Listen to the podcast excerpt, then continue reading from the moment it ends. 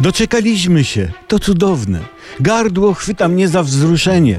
W Szczecinie na placu Gryfitów stanął pomnik kultowej konserwy paprykarzu szczecińskiego. Pomnik ma formę rzeźby w kształcie gigantycznej puszki, tego cudownego przysmaku, składającego się z ryżu, pulpy, z delikatnych kosteczek rybnych oraz mazi pomidorowo-paprykowej. Paprykarz szczeciński to jedna z niewielu rzeczy, które znam zasługująca na pomnik. Oho! Oho, już słyszę kąśliwe hejciki. Co to Tomaszku? Uprawiamy kryptoreklamkę? Uprawiamy produkt placemencik? Weź się, wiesz co? O ty, co tak mówisz. Ech, młody szczawiku, co ty wiesz? Co ty wiesz? Paprykarz szczeciński to instytucja. To nie produkt, to tradycja. Na przykład od 10 lat paprykarz jest na liście produktów tradycyjnych, oficjalnie.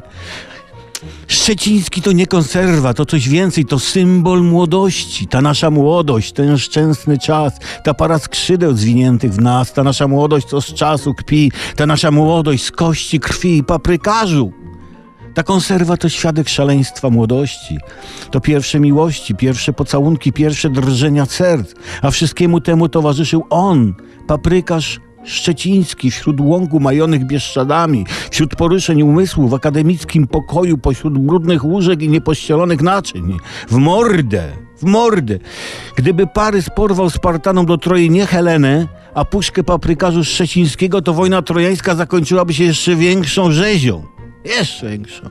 Ale co najważniejsze, paprykarz szczeciński to godna najbardziej wysublimowanych podniebień uczta. Bo, bo to słuchajcie, jedyna okazja, przy której je się chleb z ryżem. No, jakże go nie kochać? Jakże?